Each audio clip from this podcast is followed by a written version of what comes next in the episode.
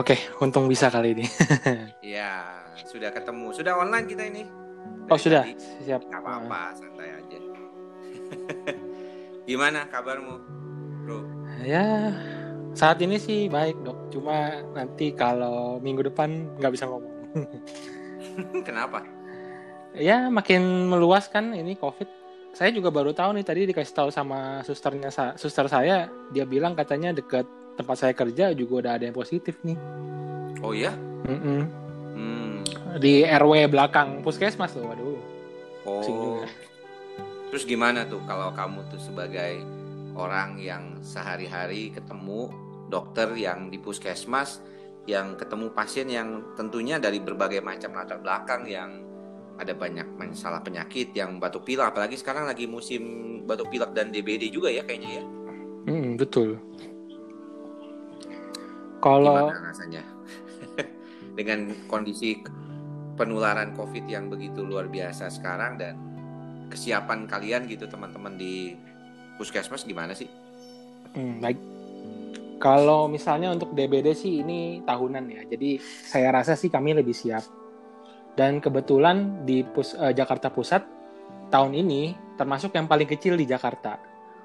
Hmm. Eh, laporan minggu ini kalau saya nggak salah inget di Jakarta yang lain tuh sekitar 200 300 tapi Jakarta Pusat kemarin data terakhir yang saya lihat tuh di bawah 100. Jadi kalau untuk tempat saya sih lumayan aman. Cuma memang yang kita takuti nanti akan terus naik kan. Apalagi musim hujan masih terus berlangsung masih terus berlangsung. Iya ya. Datanya sih kayaknya harusnya curah hujan tuh harusnya udah mulai berhenti ya di bulan Maret Mm-mm. ini. ya. Iya, eh, kan apa dibilang puncaknya itu kan Februari ya, sama Hmm. sampai awal Maret gitu. Tapi Iya iya ini udah kan Ini- akhir eh, eh, tapi minggu ini saya lihat sih hujannya deres ya. tiap hari. Juga. Mm-mm. Iya. Ya kalau COVID sih eh, Hmm, mungkin Gimana ya. kalau saya, COVID? Kalau saya sih merasa kalau COVID itu memang sebagian besar dari kita nggak begitu siap memang. Iya. Eh, eh, kan ini ini baru ribut nih kita masalah APD APD. Sekarang APD juga mahal sekali. Kemarin kita udah ngajuin ke bagian pengadaan dibilang, wah dok APD juga sekarang susah nyarinya gitu karena memang banyak yang pakai gitu. Di Hmm. angka 300 ribu tuh untuk baju gaun gaun yang disposable itu 300 ribu Sekali pakai lagi. sekali pakai. Waduh. Cuma satu hari. Maksudnya dari praktek itu anggaplah praktek berapa? 4 jam sekarang boleh masih atau Kalau saya sih masih 6 jam oh Swiftnya. 6 jam. 6 jam. ya? Istirahat satu jam berarti kira-kira 5 jam. Oke, oke. Nah, habis itu langsung dilepas, dibuang itu kan nggak boleh disimpan kan? Ya, kalau yang disposable. Jadi mungkin mungkin nanti bisa diakalin dengan kita pakai yang kayak di Oka. Kalau yang di Oka kan tidak disposable. Yang penting eh, nyucinya bisa bener. Ah, Itu salah satu solusi. ada Soalnya yang kalau bilang katanya pakai jas hujan apa benar tuh? Oh iya, beberapa teman-teman pakai jas hujan sih yang bener-bener nggak ada ya. Mereka kreatif banget. Jadi pakai jas hujan dipakai direkatin gitu. Wah, luar Mhm. biasa. Itu panas banget loh pakai itu. Oh iya pasti. Terus kalau kamu sendiri apa nih yang perlengkapan alat proteksi diri kamu sehari-hari yang dalam konteks sekarang nih ya yang sedang lagi rame-ramenya dan kita punya kasusnya cukup sering meningkat ya. Kemarin 81 ya kalau nggak salah langsung. Hari ini sudah 500 berapa tadi? 504 Iya, terakhir. 400 lebihan hampir 500. Ya, dan 48 di antaranya sudah meninggal dunia gitu. Dan Eh, iya, enam orangnya juga eh, teman sejawat kita, dok. betul, betul. Ini kita juga kehilangan sekali ya mereka walaupun tidak semuanya langsung berhadapan dengan kasus itu ya sebenarnya ya. Iya, ber- Artinya ada yang sudah kena duluan gitu ya kayaknya atau bagaimana? em, Dari kalau yang dari saya baca waktu itu sempat dikirimin kan eh, dari dokter Erlina Burhan, mereka beliau Hmm. bikin slide-nya saya baca, memang virus ini virulensinya sangat kuat. Hmm, Jadi eh, mungkin kalau dibandingkan flu biasa, ya ini lebih ganas dan lebih menular gitu. Jadi memang harus Iya. sangat hati-hati. hmm. Jadi orang-orang yang belum tentu bekerja di dalam konteks menghadapi langsung kasus-kasus uh, coronavirus positif saja ini kita kita ini bisa juga tertular dengan segera ya dan bisa menimbulkan fatality yang besar ya kalau kitanya sendiri punya ini ya punya daya tahan tubuh yang kurang bagus atau punya penyakit penyerta sebelumnya ya. Hmm. Uh, ya, kalau yang data dari WHO sih uh, memang mortality rate-nya kecil gitu. Cuma yang kita juga harus hmm. mempertimbangkan uh, di Italia ternyata yang harusnya kualitas kualitas apa kualitas medisnya lebih bagus, pelayanan medisnya lebih bagus, ternyata uh, kasus kematiannya juga tinggi gitu. Ini juga katanya banyak nyalain itu uh, karena mereka nggak nggak disiplin di dalam dis, apa social distancingnya ya. Iya benar dok. Dan anak-anak mudanya ini juga kebanyakan mereka pasti pada keluar dan ternyata mereka ini menjadi karier kan buat orang-orang di rumah yang sudah tua dan punya penyakit gitu ya sehingga yang lebih banyak meninggal memang usia tua ya tetap. Iya tapi uh, yang harus digaris bawahin di sini saya yang saya takutin ini kita harus mengakui ya kalau tingkatan pelayanan medis kita tuh nggak setinggi Eropa gitu. Iya. Jadi saya ya, takut betul. ini uh, masalahnya kalau misalnya apa uh, di Eropa juga ternyata cukup tinggi dengan standar kesehatan yang lebih baik gitu. Saya takutnya di sini ya kita ini kan uh, masih cukup struggling lah sama masalah itu gitu. Takutnya ya mortality kita tinggi gara-gara itu juga gitu. Angka kematian kita ya hmm. tinggi ya karena bisa jadi seperti itu ya. Iya iya. Soalnya kayaknya kalau kita lihat di mana-mana kan uh, alat proteksi dirinya nih sangat sedikit gitu ya dan teman-teman di lapangan juga mengeluhkan hal ini ya sampai kita bikin beberapa penggalangan dana gitu ya. Tadi juga salah satu rekan juga menanyakan gitu ada yang bisa disumbang nggak dok? Kalau misalnya berkaitan dengan uh, mereka pengusaha-pengusaha itu pengusaha kecil lah ya mikro itu pengen memberikan sumbangsi gitu. Dan saya kira itu luar biasa sekali sih kalau misalnya masih mau gitu ya memberikan sumbangsi karena e, sebenarnya apa karena jadi barangnya susah terus harganya mahal gitu ya? Atau ada yang kalau kita lihat kan kayak misalnya masker aja harganya bisa 400 ribu sampai 500 ribu loh. Padahal dulu satu box paling cuma 40 ribu paling kan. Hmm. uh, itu karena memang memang susah barangnya atau gimana ya? Ya kalau saya, saya sih bukan orang ekonomi jadi nggak gitu tahu. Cuma ya um, ya kan kalau dari lihat hukum supply dan demand jadi kalau misalnya memang permintaan lagi tinggi barangnya lagi nggak ada ya pasti lebih mahal cuma ya kalau misalnya dibilang ada yang nimbun mungkin benar juga gitu cuma saya iya. nggak ya. ada bukti untuk ngomong kayak gitu gitu iya tapi tega banget dah ya orang lagi susah begini masih masih apa masih melakukan hal seperti itu ya kalau sampai begitu kayaknya gimana ya hmm. rasanya nggak enak makanya kalau saya lihat teman-teman uh, sejauh-sejauh dokter yang influencer tuh kayak dokter Ferdi Riva atau dokter Jimmy kan juga suka ngomong uh, tolong awam juga jangan banyak beli barang-barang medis gitu. Alcohol swab sekarang udah mulai banyak yang beli itu awam. Iya. Yang saya menarik ini terakhir itu saya kemarin melihat pasien saya itu menggunakan uh, sarung tangan latex yang uh, gloves itu yang buat kita kalau untuk melakukan operasi kan atau melakukan apa tindakan medis gitu yang harus terlindung kayak gitu. Uh, ini nggak tahu dah dari mana tuh padahal kayaknya kayaknya WHO tidak menyarankan itu ya sebenarnya. Ya. Oh iya, kalau memang ya mungkin itu bagian dari ketakutan pasien. Saya ada cerita sedikit menarik dok. Ya, coba. Uh, kemarin saya kan Sabtu uh, waktu itu terlanjur ambil praktek di daerah Serpong deket SMS itu. Hmm. Yeah.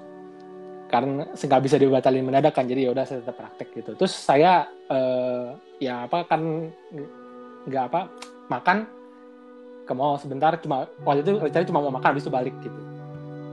Terus saya lihat lucu juga ternyata ada beberapa pasien seperti yang dokter bilang gitu dia pakai latex. Ada yang nggak pakai latex dia pakai sarung tangan plastik yang buat orang motong makanan tuh dok. Inget tahu? Iya iya. saya juga ngeliatnya ya ampun sampai begitu banget gitu. Maksudnya saya bingung ini antara kreatif paranoid atau gimana gitu. Aneh hmm. gitu. Tapi kalau misalnya tadi saya nge-tweet sengaja ya yang berkaitan dengan kalau kita eh, dalam minggu-minggu terakhir ini otak kita dipenuhi oleh berita-berita terkait gejala COVID ya, berita kematian akibat COVID gitu ya.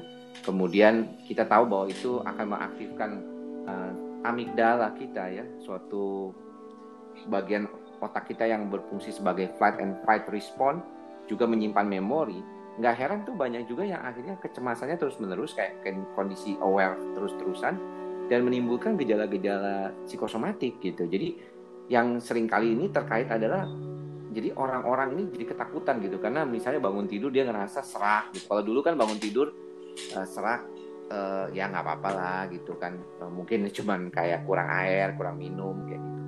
Nah, sekarang dikit-dikit kayak ngerasa kok kayaknya badan meriang ya, batuk sedikit, tuh nanti jangan-jangan COVID gitu. Jadi uh, rasionalnya tuh mulai berkurang juga gitu. Dan ini membuat permasalahan yang lebih berat ke depannya. Kalau misalnya nanti uh, menjadi irasional gitu pemikirannya, termasuk dalam penggunaan alat-alat pelindung diri yang sebenarnya uh, bukan pasnya buat mereka gitu kan. Harapannya kan kalau bisa ya udahlah jangan terlalu sering keluar deh gitu supaya nggak usah pakai masker banyak-banyak nggak usah pakai uh, hal-hal yang berkaitan dengan itu jadinya itu biarkan aja buat petugas medis gitu maksudnya gimana menurut pendapatmu?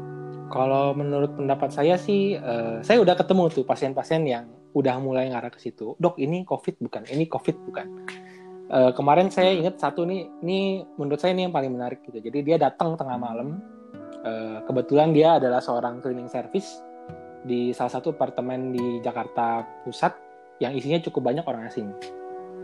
Dia datang, hmm. uh, memang keluhannya menggigil, batuk pilek. Meskipun hmm. satu dicek nggak demam. Hmm. Dia bilang, aduh dok, saya takut sekali. Uh, ini yang ini bukan sih yang apa yang covid covid itu bukan sih dia bilang begitu hmm. ya saya juga maksudnya kan di sini kan kita udah mulai makin banyak makin banyak belajar ternyata memang covid itu kan gejalanya nggak khas gitu pada awal-awal iya. akhirnya saya cuma iya. bisa bilang ya sini cuma bisa di tengah saya cuma bisa tenangin aja saya bilang ini masih gejala awal kita nggak bisa bilang ini coronavirus hmm. atau bukan akhirnya saya kasih obat hmm. aja saya kasih form pemantauan mandiri kebetulan kami bikin di puskesmas kami bikin Wow, Jadi uh, kita maksudnya nanti kalau misalnya ada gejala hari pertama, kedua, dan ketiga, waktu itu mesti ada namanya orang ODP, orang dalam pemantauan untuk tiga hari. Dulu minggu lalu masih ada tuh. Cuma yang paling baru yang dikeluarin sama dinas kesehatan itu sekarang semua 14 hari. Jadi satu minggu tuh berubah nah. semua. Jadi nanti mungkin kita harus Jadi update itu. kalau misalnya ada gejala yang kira-kira seperti mirip-mirip gitu ya, itu tidak harus langsung dirawat kan sebenarnya. Oh iya, uh, tidak harus langsung dirawat, cuma memang kebijakan social distancing ini yang harusnya memang kita penuhin gitu. Oke. Okay. Uh, jadi supaya nggak sering jadi, ketemu kan, orang. Oke. Okay. Terus juga. Sebenarnya juga salah satunya kan karena itu self limiting disease, harapannya kita bisa mencoba untuk meningkatkan daya tahan tubuh kita melawan itu dan dengan obat-obat simptomatik kan, bukan begitu? uh, eh, self limiting disease betul dok tapi kalau hmm. yang saya lihat sih kasus-kasusnya dan beberapa yang dengar-dengar cerita temen yang udah merawat pasien terduga covid yeah.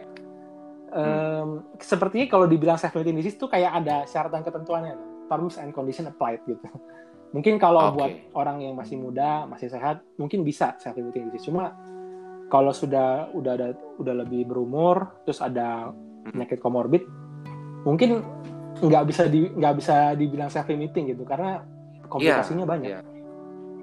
Bahkan ada beberapa yang bilang kalau udah kena ini bisa kena lagi gitu ya. Oh, kasus reinfeksi ya. Mungkin ya, cuma ya kalau saya sih mikirnya seperti sakit ini, cacar air. Kalau cacar iya. air kan eh, nor apa secara teori kan secara teori hmm. sih enggak kita nggak akan kena lagi karena kita udah punya imunitas. Tapi yang kena lebih dari sekali kan tetap ada ya. Betul, betul, betul. Kalau misalnya di dalam keadaan saat ini gitu ya, artinya uh, sebenarnya kan kita tahu bahwa kita berharap ini tidak terjadi sesuatu yang lebih buruk lagi ke depannya gitu ya.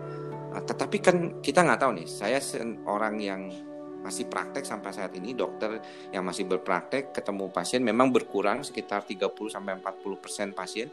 Mungkin minggu depan akan lebih berkurang lagi gitu ya. Dan itu kita memang harapkan untuk sementara waktu. Tapi ketika kita berhadapan dengan uh, teman-teman yang di depan gitu yang seperti uh, Ardian yang sekarang ini sudah uh, berada di puskesmas gitu ya. Itu apa yang menjadi kerisauan teman-teman ini sebenarnya? Ya, kalau kerisauan sih tetap ya uh, ini kan apa maksudnya penyakit yang sangat menular gitu. Jadi ya kerisauan kita ya tentu yang pertama adalah takut tertular gitu. Tapi di satu yeah. sisi ya tetap kita harus bekerja uh, karena ya itu ya memang tugas kita gitu tapi ya Hmm. harapan kita ya seperti kata dokter gitu jadi orang-orang yang sak, eh, sakitnya tidak terlalu bisa bisa menunggu itu kita harapkan tidak datang terlebih dahulu atau kalau mau datang kalau di puskesmas ya datangnya yang pagi aja jangan tengah malam Iya. datang kenapa gatel-gatel sariawan batuk-batuk udah du- satu bulan gitu waduh Ah. maksudnya ya Tapi saya Ah. itu pen- maksudnya yang paling menurut saya tuh jangan-jangan dia udah sakit lama tiba-tiba karena ada kedengaran gini dia jadi baru aware gitu. Tapi di satu pihak kan kita berharap orang-orang ini sepertinya kalau bisa jangan terlalu sering berada di lingkungan di mana dia bisa terpapar gitu ya, lebih gampang gitu kan. Makanya ada istilah social distancing itu kan sebenarnya. betul jadi ya pada Hmm. ada seperti mungkin di tempatnya dokter juga udah dijalanin ya kalau tempat saya kan itu jadi eh, misalnya bangku nih lima ada lima lima deret kursi jadi nanti ada Hmm. beberapa deret kan ditutup kan tidak boleh itu untuk salah satu social distancing paling sederhana lah Iya. Nah. terus juga Iya. sekarang eh, maunya kita ya di- kebijakan Bapak Gubernur DKI Jakarta juga gitu kan jadi mau dibatesin eh, apa transportasi umum jadi nggak terlalu banyak orang yang berpergian cuma ya Hmm. eh, masalahnya kalau misalnya masih banyak yang harus berkeliaran karena kerjanya masih harus tetap kerja ya nggak tahu juga sih masih Iya. efektif atau enggak tapi itu langkah awal yang baik buat saya. Iya, karena sebenarnya kalau kita bicara tentang uh, social distancing, work from home lah gitu ya, itu nggak semuanya bisa tuh work from home. Ada beberapa pekerjaan yang mau nggak mau kita harus berada di dalam keadaan apa ya kalau kita bilang tuh harus gitu berada gitu di dalam konteks itu kayak gitu. Kita mengerjakannya tuh langsung gitu, jadi nggak semuanya bisa. Makanya orang mau nggak mau pakai kendaraan umum juga ke sana. Saya kemarin ada salah satu eh, temen gitu yang ber- berkata dia tuh sales gitu jadi dia nggak boleh stop tetap dia harus jalan gitu jadi ya nggak semuanya bisa memang ya di kan apa di makanya nggak saya nggak tahu ya apakah kita tuh bisa akan ini semi lockdown lah istilahnya mulai kita berkurang berkurang tapi harapannya sih ke depannya penularannya makin lama makin bisa kita atasi kayak gitu ya tapi kalau kamu ber- apa berpikir gitu ya kira-kira berapa lama ya ini kita bisa bisa begini ya Hmm, kalau kita berkaca dari Wuhan sih, mereka kira-kira tiga Hmm. bulan. Saat ini Hmm. mereka sudah mulai sebagian tuh sudah mulai beraktivitas lagi gitu, mes- meskipun belum benar-benar normal. Ya mungkin Hmm. kita kalau mau bilang kasarnya mungkin sekitar tiga bulan. Kita kan mulai pertama Hmm. kali kasus itu kalau nggak salah eh, akhir Februari ya, apa awal Maret ya? Kayaknya akhir Februari. awal Maret Ah. kayaknya sih awal eh akhir Februari Iya, sorry akhir Februari. Jadi ya mungkin puncaknya ya bulan depan deket puasa gitu.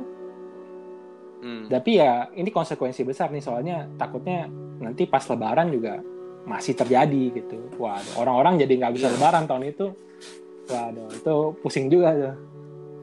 Iya iya. Soalnya kalau kita lihat kalau di Wuhan sama di sini kan konteksnya bisa berbeda. Kayaknya nggak bisa disamain kan. Ini yang yang masih kadang-kadang masih jadi kepikiran dan keraguan orang ya terkait dengan hal ini ya. Mm-mm. Ya kalau di Hmm. Cina kan relatif, maksudnya dia kan bukan negara kepulauan gitu. Uh, Iya. Jadi mungkin lebih gampang di tracking dibanding di sini. Cuma ya mungkin lah gambaran kasarnya. Cuma soalnya kan penyakit ini memang sangat penular, tapi kan di satu sisi dia tidak membutuhkan waktu lama gitu untuk, maksudnya Hmm. dari awal kena sakit sampai sembuh atau meninggal kan hitungan Hmm. minggu. Iya. Kalau misalnya sakit, Iya. kalau misalnya pandeminya mohon maaf kayak HIV/AIDS gitu, ya itu itu sangat Hmm. sulit itu karena mereka kan tahunan untuk bisa menyebabkan sakit lalu meninggal gitu. Iya. Iya iya iya. Oke lah. Kalau kamu sendiri takut nggak? Waduh. Atau jangan-jangan udah kena lagi misalnya? Tapi kan kita nggak tahu juga ya. Iya. Apa akan mengikuti itu? Apa kemarin rapid test ya? Udah mulai dilakukan ya kalau nggak salah Iya, ya? eh, rapid test mulai Jumat kemarin kalau nggak salah udah dilakukan. Hmm. Tapi di Jakarta Selatan kalau saya nggak salah ingat.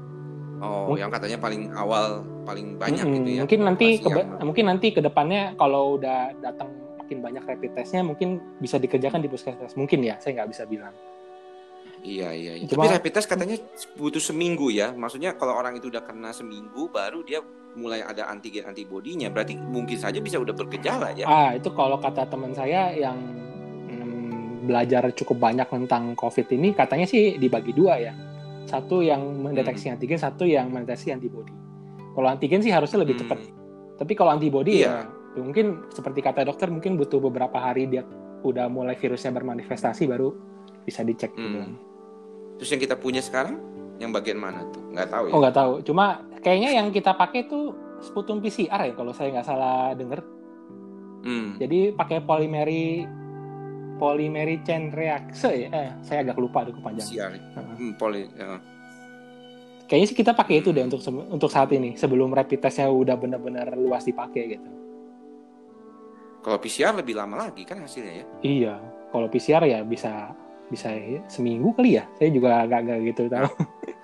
Iya, benar-benar kayaknya kita nih mesti menjaga diri, meningkatkan daya tahan tubuh, berupaya untuk tetap bersih dan jangan sampai kita terlalu sering ketemu orang lain gitu ya. Itu betul. aja kali ya sementara. Oh ya ya. dok, mau tanya dok.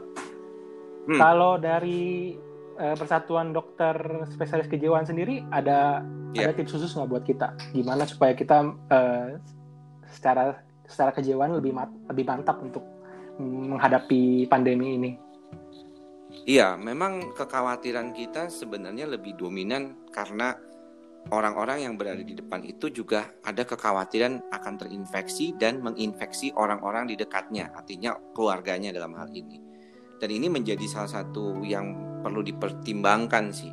Kita sendiri mungkin saat ini eh, masih mencoba menggodok kira-kira apa yang bisa kita sarankan, walaupun di berbagai uh, literatur dari WHO maupun dari American Psychiatric Association itu sudah ada gitu ya yang di mana mereka menyarankannya mungkin ada uh, time out ya jadi ada break time.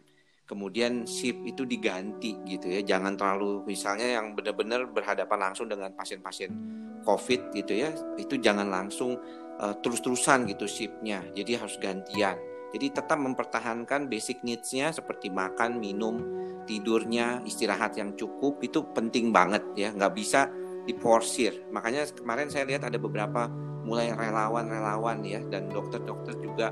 Tadi saya lihat ada postingan eh, dokter-dokter dari angkatan TNI angkatan itu juga eh, sudah dikerahkan gitu untuk di wisma atlet katanya Wah, ya mantap. salah satunya.